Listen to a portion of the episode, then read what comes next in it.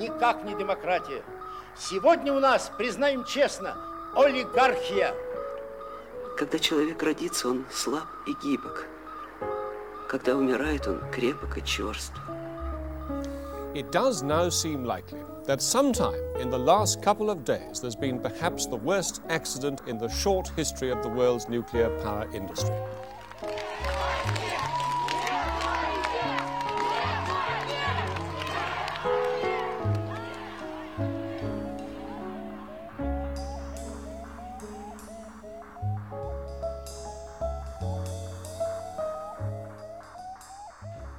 Kæri hlustundur, það kemur vesturlandabúum gætnan og óvart að rússar skuli líta á skálskaparhæð sína út frá ljóðlist fyrst og fremst en ekki lausamáli. Að það skuli ekki vera hinnar miklu skáldsögur Tolstóis og Turginjefs eða leikrit Tjekovs sem séu mest í mitum höfð heldur ljóðahefð sem segja má að hefjist með þjóðskáldinu Alexander Puskin og nái ákveðnum hápunkti á Silfuröldinni svokölluðu tímabili sem hófst löst fyrir aldamóti 1900 en tók skjótan endi með tilkomu Sovjetríkjana og 30 ára valdatíð Stalins. Skald þáttarins tilherðu bæði Silfuröldinni Í síðari hlutanum beinum við sjónum að Ósip Mandelstam og Nadjerstu eiginkona hans. En í þeim fyrri eru ljóðaþýðingar á Sinaítu Gippius í brennitepli. Fyrir skammi frétti ég að gamal samnimandi minn úr húsnenskunni væri að þýða þessa mörgu skaldkonu. Hún heitir Freyja Eilíf og ég doblaði hana til að rauja upp árin sín í Rúslandi, segja mér frá Gippius og lesa fá hennar óbyrtar ljóðaþýðingar. Freyja Eilíf, hjartanlega velkomin í þáttinn. Eh, þú ert fætt 1986 og ferð á unglingsaldri til Rúslands. Getur aðeins líst í hvernig það kom til og, og hvaðan svona þinn Rúslands áhugi kemur? Uh, ég var búin að vera hafa áhuga á rúsneskri sögu í þá nokkuð tíma þegar ég tók eftir að það var í bóði að fara í svona skiptinám til Rúslands þannig að ég reyni fekk að bara á heilan að komast ángað og byrja að safna penning til þess að komast senast í eitt ár frá mentaskóla og vera í Rúslandi og þá var ég komið með í rauninni mikinn áhuga á tungumálinu út frá líklega áhuga á menningu og bókmyndum en líka tónlist og myndlist og eiginlega bara öllu. Já, þú hefur gefið út eina þýðingu og við komum eins betur að henni á eftir en það er tilengun, fallið tilengun, stendur tilengað afa mínum völundi draumland og útgefið í minningu sunnudagsferða okkar í rússabíóið á Vastík. Var þetta einhver hluti af ástæðinni líka fyrir þú fórst? Alveg bóka og ég fekk mjög ung þennan áhuga á rúsneskri sögu sem að ég get nú bara í rauninni þakka hann um afa mínu fyrir að hafa náða að vekja áhuga minn svona ungri á í rauninni bara hugmyndasögu eða bara sögu yfir höfuð. Mm -hmm. Saga bókmynda var allt í einu lifandi og spennandi fyrir mér og saga hugmynda, byltinga Já. var spennandi fyrir mér. Já. Þannig að við fórum saman í bíó á sunnundum líka og það var í rauninni rosa mikil heiður fyrir mig að vera að skottast þetta með honum og hanga hana með einhverjum pípuköllum að röfulega um hérna Já, sem deildu þessum áhuga eða kannski líka sko hugssjón sem að fólsti því að hafa fengið áhuga þessari hugssjón að það var þetta búið til samfélag sem væri sosialist eða kommunist. Já, en þú hérna ert svolítið óvinnilega af svona Rúslands fara að vera að því að vanalega er þetta mm, fólk sem fer í háskólanám og fer þá annarkvort til Pétursborgar eða til Moskvu en þú ferð fyrr á unglísaldri og þú ferð uh, til borgarinnar tver. Ég var, uh, ég haf aldrei heyrt um þessa borg minnst tver en í rauninni eftir á hyggja þá er ég alveg rosalega þakklátt að hafa fengið að vera þarna á þessum tíma og kynnast unga fólkinu á þessum stað.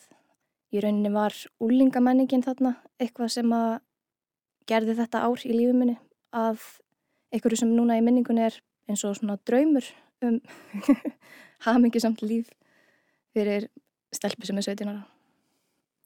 Þetta er, sagt, þetta er árið hvað, 2000 og...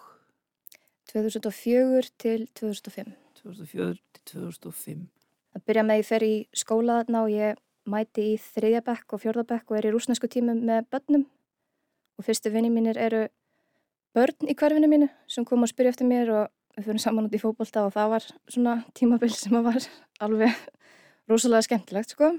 Og svo hægt að róli að egnast ég mjög góða vinna þarna en fram á því er ég líka bara að kynnast alls konar fólki. Kynnist alveg mikil í breytt í samfélaginu af ungu fólki. Og sko ég myndi lýsa svona dæmigerðum hittingi við bara annarkvort stelpu eða strák sem að vildi vera vinum minn. Væri að manneskja myndi opna stílabókina sína lesa frumsaminn ljóð jáfnvel taka upp gítar og syngja eitthvað sem að þið hefði verið að æfa og spila. Að það var svona einhver innilegi og einlag sem að ég hafi ekki kynst áður. Og svo líka þessi partur af sko samveru úlinga þá. Um, og þetta er hérna einhver svona menning þarna sem er tilkomin líklega vegna þess að úlingar hafa ekki sitt sérherbyggi en það faraði út í göngutúra litlir vinahópar fara út í göngutúra og hitta aðra litla vinahópa og stækka og, og eru saman í göngutúr alla daga sem var auðvitað alveg rosalega ævintarlegur táttur á einhver svona félagslífi vegna þess að svo er þetta ofta að taka með sér næsti og ofta er farið út í kannski skóð og skóur svona nálagt það sem ég bjó og bara alls það er í kringurinn og auðvelt að komast úr borginni. Og þau stundið að kveikja elda og syngja lög og drekka vín en líka smyrja sér brauðsneðar og voru með alls konar svona litlar veislur í rauninni bara stanslust. Þannig að þetta var þeirra djam. Já.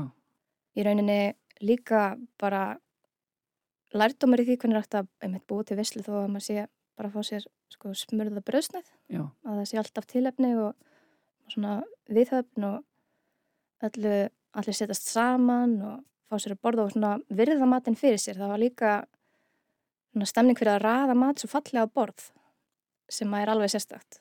Búa til smá svona málverkurunum og svo fá sér allir smá. Já. Þannig að það var líka eitthvað svona matar ást sem að, sko, ég kynntist hana sem að í rauninni hugsa ég að hafi bjarga mér að því að þetta var náttúrulega líka erfitt þegar ég ferðana þá það kann engin ennsku og ég man alveg að það var erfitt þess að átti ég vini sem voru áttara til að leika fólkvölda með að því ég var líka alveg innmanna og svona, svona innilokuð í tungumála þegar ég kunni ekki tungumáli. En hvað er þessi krakkar í dag?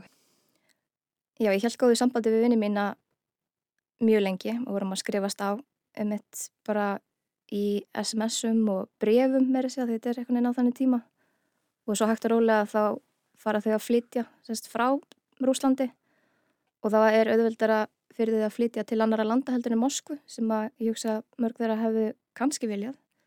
En þau komast til náms í Hollandi til dæmis og Írlandi og Pólandi og svona hægt og rólega að fara bara frá Rúslandi, Finnlands og fara inn í hjónabönd og sambúð og eignast börn bara utan Rúslands og þá hérna við náttúrulega að þeir leita að nú talaði við mig á ennsku og svona færlaðist rúsneski heimurinn sem við dildum og kannski þannig að breyttist vinnáttan að því leiti að hún var svona eins og minning kannski.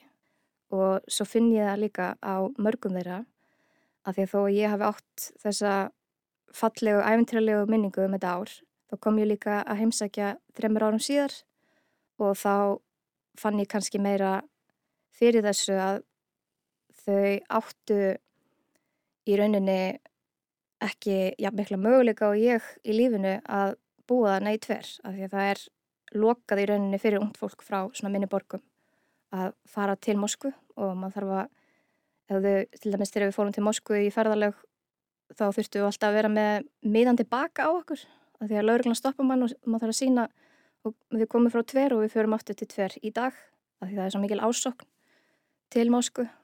Þannig að þá eru allir rótni fullanir í rauninni í Rúslandi 21 árs. En ég er ekki orðin fullanir, ég er ennþá uh, á öðrum stað. Ég kynntist Freyju í rúsnesku við Háskóla Íslands um það leiti sem bankanir voru að rinja. Eftir námið gaf skriða útgáfa út þýðingu Freyju á mannverunni eftir Maxim Gorki og um þessar myndir vinnur hún að annari forvinnilegri þýðingu. Já, um, ég er sannsagt að þýða úrvalverka eftir uh, skaldkonu sem heitir Sinaíta Gipius og í rauninu á mun þessi útgáða eiga margt sameilegt við uh, mannverun eftir Gorki þar sem að þetta eru kannski svona önnur sjónarhorn á þessa umbróta tíma sem flestir þekkja Gorki sem reytönd uh, móðurinnar en í mannverunni er hann hann er að endur uh, byggja trúarheimsbyggina og í rauninni er ekki alveg búið að hafna hugmyndin um Guð. Það er verið að færa hann nær manninum og í mannveruna. En á þessum tímapunkti þá eru uh, þessar hugmyndir mjög uppröstnakjöndar vegna þess að það verða að færa bara guðin og umbreytunum yfir í byrtu sem er í brjósti mannsins. En því er síðan alfæri hafnar. Og þetta er í rauninni tímar það sem að öll þessi trúar heimsbyggi er í svo mikilvæg mótun og mikið af fólki reynir að taka hana með inn í nýju tímana eins og Gorki reynir. Og það er það sem að sína þetta gerir einnig. Og í rauninni gengur hún lengra. Hún hérna verður fórsprakki að svona uh, hóp sem að hittist reglulega og reynir að leggja grunnað eitthvað sem að geta heitið nýja kirkjan í Rúslandi og þau gefu tímaritt sem að heitir bara nýja leiðin. Og það fer bara af staðirinn í kjölfar, kjölfar hérna rúsnesku byltingarinnar 1905 og þá er hún bara partur af þessum hópi sem er gaggrinnin á keisaraveldið en vill ekki brjóta niður struktúrunni kringum trúabröðin heldur umbröðunum og saminan við hugmynda hérna, og lista um, um byltinguna sem er í gangi. Í rauninni blandaði saman í eitt mm -hmm. og hún er í rauninni miklu svakalæri karakter en bara svo. Hún er kona sem var líka að skoða um, mismunandi byrtingar á kynferði og því að vera sagt, kona eða maður og var sjálf uh, oft í karlmannsfötum og vildi vera áverpuð sem karlmaður og, og var sagt, átti elskuða sem voru bæði konur og karlar og maðurinn hennar sem að hún var mikið með og þau áttu hann var sagt, með henni í þessum ringjum sem að voru að stopna nýju kirkina Já, Mirskovski, Dimitri Mirskovski Já, já. Mm -hmm þau stega hjónaband en hérna elsku hennar er með, með í hérna þessum ring Já. þar sem þau eru að stopna nýja kirkina Já. og þetta verður þetta bara þykir að vera svo mikið guðlast í rauninni í kringum hana. Þannig að hún sjokkurar alveg svakalega bara með, með allir svona hegðun í rauninni. Gaggrinni og, og ástarlifi Já. Þetta er ótrúlega merkir að hún er ótrúlega provokerandi en að samanskapi er þessi óbúðslega fallegu lýrisku ljóð sem hún er að yrkja. Kannski á enn lengra haldi væri til ég að lesa þú komst hérna með tvö væri til ég að lesa kannski hið fyrra Þetta ljóð heitir Fyldu mér eða á rúsnesku Ídi Zamnói eftir sínætu Gipius Draumar sveipa móðu ángan úr half opnum liljum blómum sem flytja fregnir, fegðar af mér látinni. Fríðurinn róar sálina, sem ekkert gleður nýja særir, mundu síðustu daga mína, glemdu mér ei sáluri. Vinur mín leið er ei laung, Brátt þreyttur líka minn örmagnast, en ástinn er sterk eins og dauðin, elskaðu mig þá andvana. Byrtast mér dular full heit, sem fá ekki að blekja hjartað, fall ekki í glemsku í aðskilnaði, fyldu mér framleiðinni.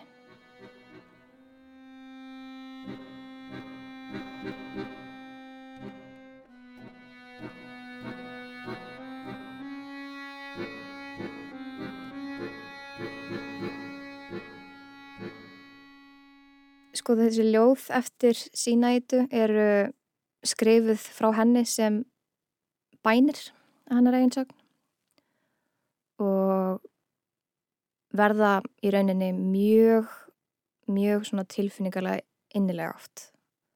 Aðeins meir en maður, ég allavega er kannski endilega vun að sjá í lögulist af þessu tægi sem er svona formföst í rauninni. Vegna þess að hún verður þekkt sem demonessa í rúsnesku samfélagi fyrir bara allt sitt guðlast en er svona svakalega trúið. Flest ljóðin hennar eru um trúna og eru bænir mm -hmm. eða ástina og það er ástin, dauðin og trúin. Ómútstæli branda. Kanski við fáum í lokin að heyra setna ljóðið.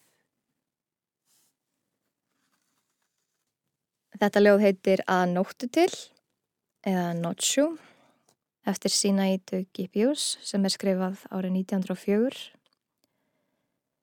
Ég þekki dularfullt djúpsægi nætur hvar kvíli í friði og spekt, hvar snertingu þagnar annjeg, hvar magnast hinn ljómandi mekt. Fram eða ákölluð sálu er óvíst en tíðindin gleðja. Framtíðin heldur þar stefnu, er tíminn fyrr sundur í tvenna. Vonirnar, vegir og aðkoma í einum ring inni lokaðar, langanir líkastar eldvindi, miklar og án endimarka. Þá sé ég kransinn kvítan, í nýju ljósi upptendraðan, með tímanum komast upphöfinn, hið innra í snerti við endana.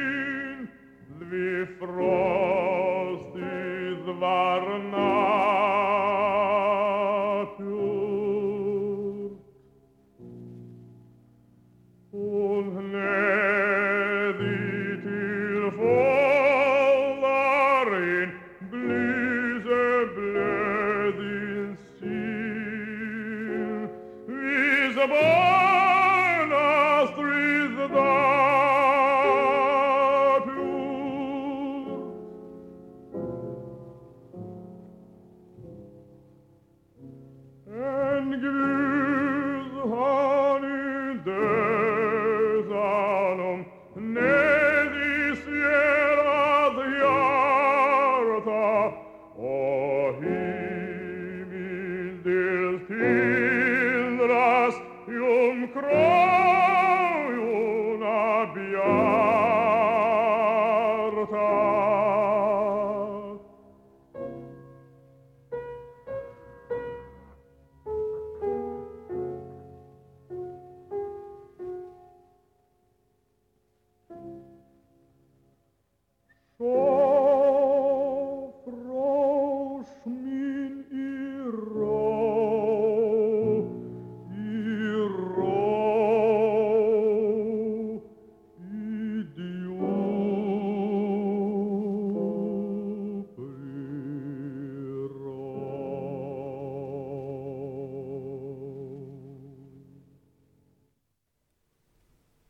eftir ljóðaþýðingum Freyju Eilívar á Sinaitu Gipius heyrðu við rúsneska söngvaran Pavel Lisitsian syngja Rósina. Ljóð Guðmundar Guðmundssonar skólaskálds við lag Arna Torstinsson Upptakan er frá 1953. Gippius og Guðmundur voru sennilega að yrkja hvæði sín á svipuðum tíma eða við uppaf 20. aldar þegar nýromantíkin Hérlendis og Silvuröldin Eistra stóði mestum blóma með tilirandi symbolisma og hrigð. Draumar sveipa, móðu, ángan úr halvopnum liljum, blómum sem flytja fregnir, feigðar, yrkir Gippius. Á meðan rósin verður tilefni guðmundar til að lýsa banastríði sem eins og í ljóði Gippiusar öðlast ójarneska fegurð í döðanum. Fegur sem verður jafnvel enn yfirskilvillegri í fluttningi Pavels Lisitsian. Lisitsian kom fram á samt einleikarannum Tatjönu Kravchenko á tvennum tónleikum í Östubæjabíói í mæmánuði árið 1953 og gengur sumir gesta ekki samir menn út af þeim tónleikum. Lisitsian verið skettur öllum bestu einleikum góðs söngvara og hafa fáir heyrst hér betri, segir í gaggrinni mánudagsblaðsins. Og við höldum okkur við rúsneska ljóðlist og möguleika eða ómöguleika þess að þýða hana á milli mála.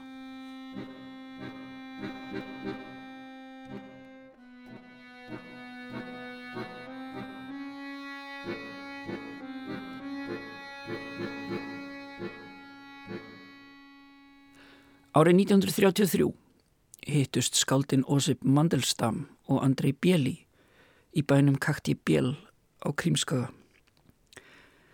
Mandelstam var um þær myndir að skrifa um Dante og meðan Bjeli vann að reitgersinni um ukrainska eða rúsneska reithöfundin Nikolai Gogol.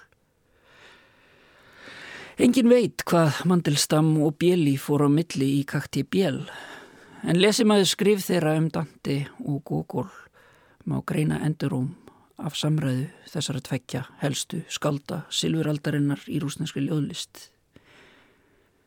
Andri Bjeli var skaldanabn Borisar Búgajevs. Bjeli merkir kvítur á rúsnensku enda átti þetta mikla skald og höfundur móteníska mistaraverksins Pétursborg eftir að kenna sig við hinn kvíta guð goðafræðinar, Baldur. Osip Mandelstam var tíu árum yngri en Bjeli, fættur 1891 í Varsjá, inn í auðuga gýðingafjölskyldu og hvati sér hljóðs með tveimur ljóðakverum, Steinn frá 1913 og Tristia sem byrtist nýju árum síðar. Á milli bóka kynntist Osip lífsförunauti sínum, Nadjestu Mandelstam, og lifið þau í botn þá miklu umbróta tíma sem urðu í Rúslandi áður en ógnastjórn Stalins breytti draumi í martröð. Kvöld bæn. Hjálpaðu mér, drottin, í gegnum þessa nótt. Nú óttast ég um líf mitt, óttast um þennan drældin. Að búa í Pétusborg er eins og að sofa í líkistu. Hér heyrðu við ljóð frá 1931, Kvöldbæn, eftir Ósip Mandelstam í þýðingu Gers Kristjánssonar. Geir þýtti nokkur af ljóðum skaldsins, þar á meðal nýð um Stalin, sem Mandelstam orti og varð til þess að hann var sendur í útlegð og dó síðar í gúlækinu, líklega í árslokk 1938.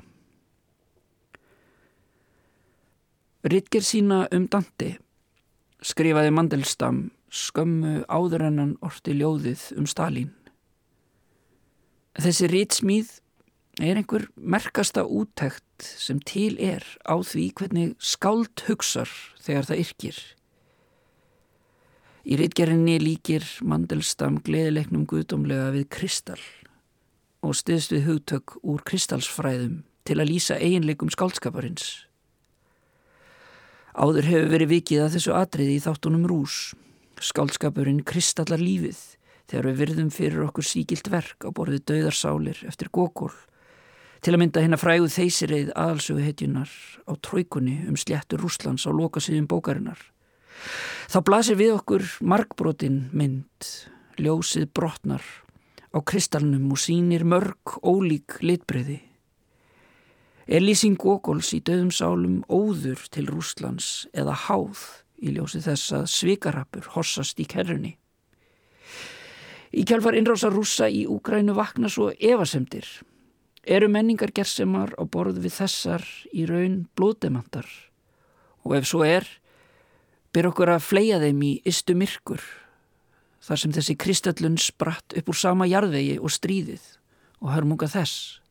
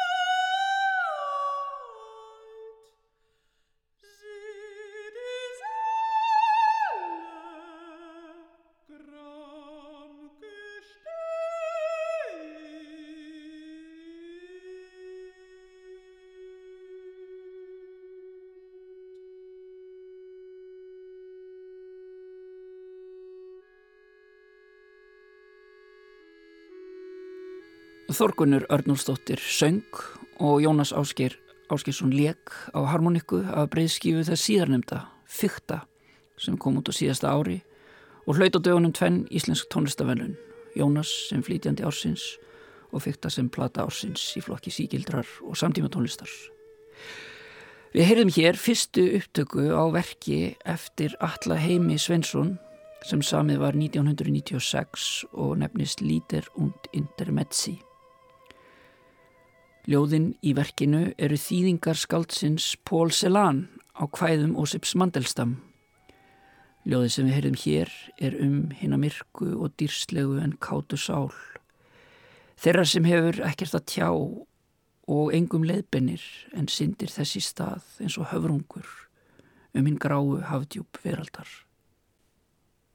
Pól Celan og Ósip Mandelstam voru báðir gýðingar sem erfitt er að skilgrina út frá þjóðirni og kannski svara ljóð á borði það sem Mandelstam orti um hennar dýrslegu sál betur en nokkuð annað spurningunni um það hverjum listin þjónar.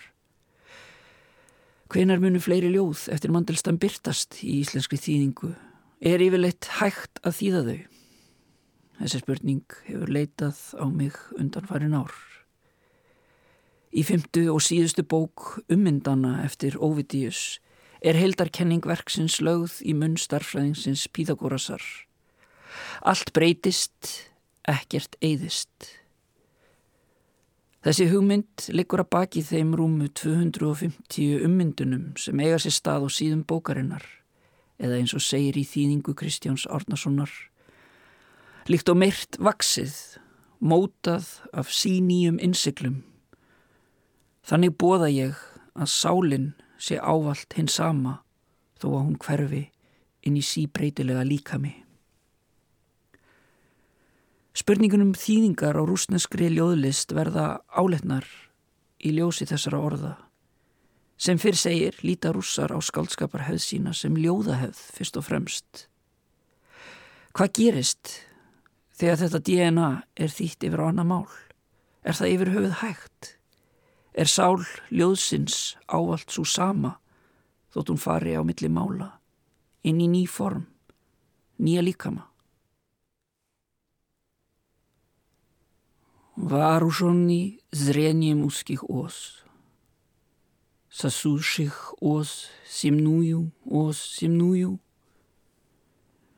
я чую все, чем светится прослос, и вспоминаю — наизусть и сюе, и не рисую я, и не пою, и не вожу шмычком черноголожим. Я только вышист, выпиваюсь и люблю, советовать могущим, хитрым осом, Vættur sjón úr vespum kvössum sem sjúa mönduljarðar, mönduljarðar. Skinja ég allt sem gerst hefur og greipist í minnið að ófyrir sinju. Því hvorki teikna ég, nýja syng og ekki veld ég dimröttuðum boga. Ég stingst bara í lífið og uni því að öfunda mátt og kænsku vespunar. Ófengi ég segrað sveppn og dauða, brottstafi búin í sumar hitanum. Þá myndi ég leggja eira við jörð og hlusta á mönduljarðar, mönduljarðar. Ljóðið um vespunnar var upprunlega spossíukrót sem Mandelstam gerði á meðan hann reyndi að semja sína höfðlaust í útleðinni. Reyndi að bæta fyrir nýðkvæði sitt um Stalin með óði um innvaldin.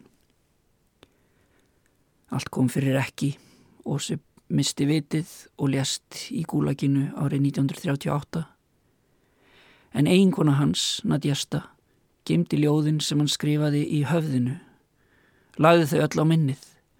Beigð unn Stalin fjall frá og eitt var að skrifa þau niður á blað, fá þau útgefin að nýju.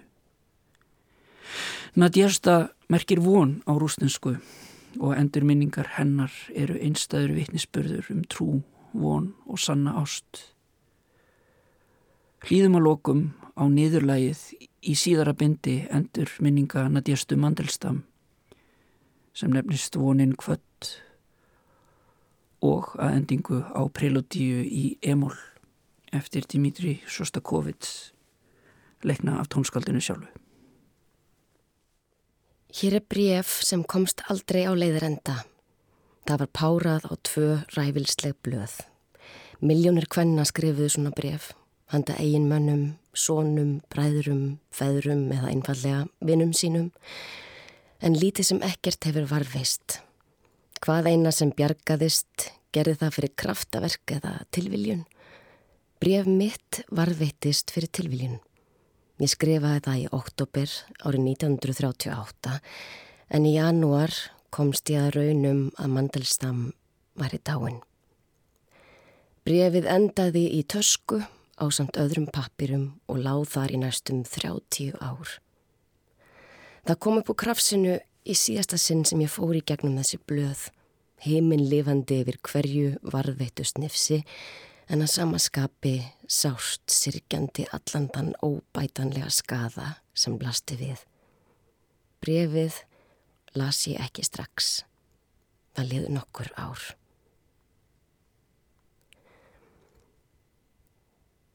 Tuttúst og annar óttúber 1938 Ósja, ástinn mín í óra fjaska, hjartað mitt Mér er orða vant í þessu brefi sem ef til vill berst þér aldrei. Ég skrifa það í tómið. Kanski kemur þú tilbaka og mér nýtur ekki lengur við. Þá er þetta það síðasta sem þú átt til minningar um mig. Og sjúsja, saman vorum við eins og börn og það var okkar gæfa. Öll rifrildin og nöldrið, leikirni sem við fundum upp á og ástinn sem er á millokkar. Ég horf ekki einu snu til heimins lengur, með hverjum geti deilt skíjónum sem nú líða hjá. Manstu eftir fátaklegu krásónum sem við dróum í vesæla hyrðingatjaldið okkar. Manstu hvað brauðið var gott þegar það kom til okkar eins og fyrir kraftaverk og við deildum því bróðulega eða síðasti veturinn í Varanjós. Okkar kátu, fátækt og ljóðinn. Ég minnist þess eitt sinn þegar við komum úr guðubadi og hafðum keift egg eða pilsur í matinn, heivagn og hjá. Það var enn kallt í veðri og ég norpaði í frakkanum mínum. Það átti fyrir okkur að liggja, ég veit hvað þér er kallt. Þegar þessi minning rifjaðist upp fyrir mér, var því jafnframt svo átakanlega ljúst að þessi vetur, þessi dagar, þessi neyð, þetta voru bestu en jafnframt síðustu hamingjustundirnar sem fjallu okkur í skaut. Sér hver hugsun snýst um þig, hvert tár og brós mitt þitt. Ég er þakklátt fyrir hver dag og hverja stund í þessu nöturlega lífi sem við áttum saman, vinur minn, förunautur minn, blindi leðsögumadurinn minn. En svo blindir kvolpar hjúfruðum við okkur hvort upp að öðru og þá leið okkur vel. Þjakað, sótt heitt höfuð þitt og allt brjálæðið. Við brendum kertið í báða endana, kvílik hamingja og við vissum það allan tíman að ennmitt þetta væri hún. Lífið er langt, hvaða er langdreið og erfitt að deyja einsamall, einn. Við vorum óaðskiljanleg. Er þetta virkilega örlög okkar? Áttum við, kvolpar, börn, eða þú, engillin, þau skilið. Allt heldur áfram sinn vanagang. Ég veit ekkert lengur. Samt veit ég allt. Sér hver dagur og sér hver stund í lífið þínu. Líkt og í óráði hefur það allt staðið mér skýrst og ljós lifandi fyrir hugskottsjónum. Þú byrtist mér á hverju nóttu í draumi og ég spurði þig ávalt sömu spurningar hvað gerðist? En þú svaraðir ekki. Síðasti draumurinn. Við suppulagt hlaðborð á suppulegu hóteli leita ég að einhverju ætilegu.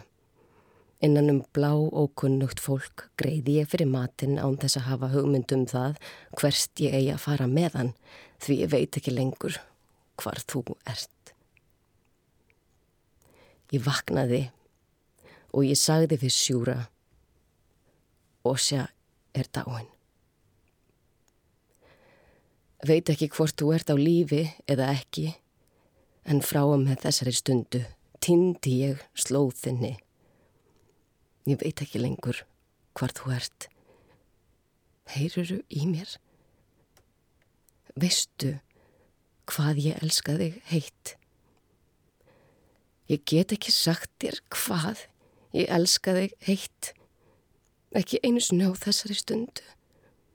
Orð mín eru þér og þér einum ætluð. Þú ert eina ástinn mín og ég sem var svo vilt og brjáluð og gæti aldrei einfallega grátið hljóðum tárum. Ég græt, ég græt og ég græt. Þetta er ég, Nadja. Hvar ert þú? Farvel, Nadja.